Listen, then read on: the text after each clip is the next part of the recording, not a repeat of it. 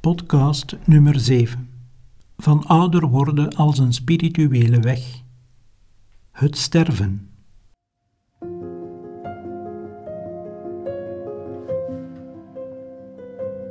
Ik sta voor de deur en klop aan. Openbaring 3, vers 20.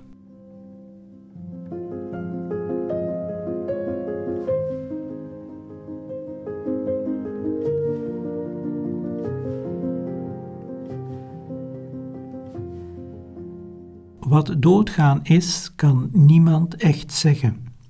We weten allemaal heel zeker dat de dood bij het leven hoort. Maar nooit is iemand teruggekeerd om ons te vertellen wat er dan gebeurt. En als we aanwezig waren bij het sterven van een dierbare medemens, dan ervoeren we toch dat die ander zijn laatste weg alleen gaat. Zelf bleven we, misschien met intens verdriet, toch buitenstaander. Er zijn zeer goede boeken verschenen over bijna doodervaringen, en die hebben ons veel te zeggen. Maar die mensen waren bijna dood en niet echt dood. De werkelijke dood blijft een groot mysterie. Denk ik daar wel eens over na.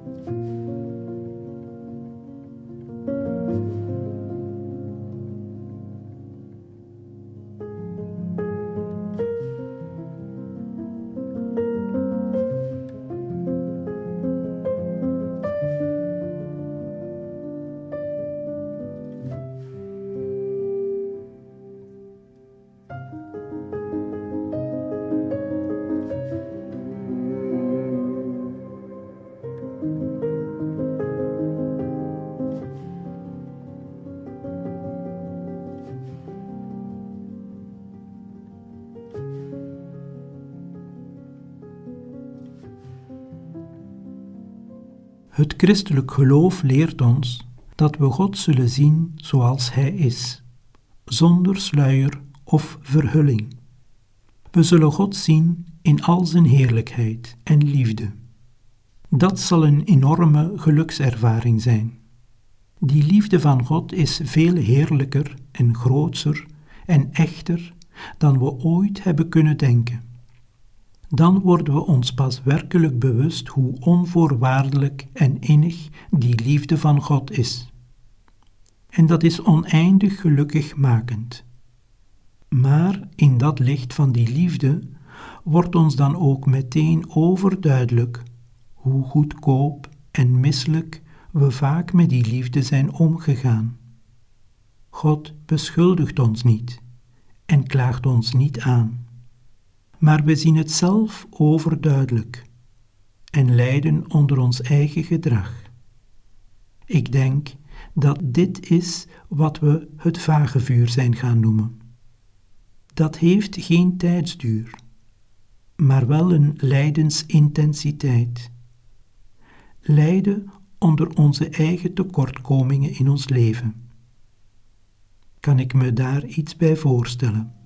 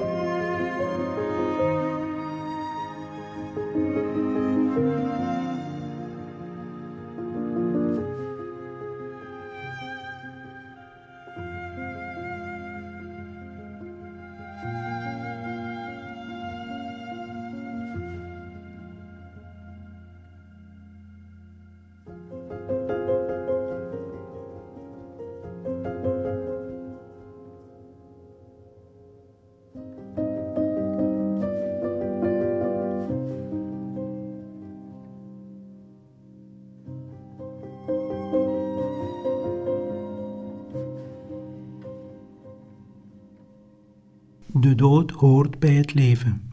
Sterven is voor iedereen, zonder uitzondering, de laatste levensdaad. Met de dood wordt er echter geen punt gezet achter ons leven, maar een komma. Jezus is ons voorgegaan en daarin ligt een grote, diepe bemoediging. Paulus zegt: Als we alleen voor dit leven op Christus hopen, zijn we de beklagenswaardigste mensen die er zijn. 1 Corinthiërs 15, vers 19. Inderdaad, helpen de dood en de verrijzenis van Jezus ons om in vrede te aanvaarden dat wij eens zullen sterven. Dit alles geeft een zekere ernst aan ons leven en meer diepgang, en vooral ook een fundament van vrede en vreugde. Het kan ons leven waarachtiger maken. Beleef ik dit ook zo? Of ervaar ik het anders?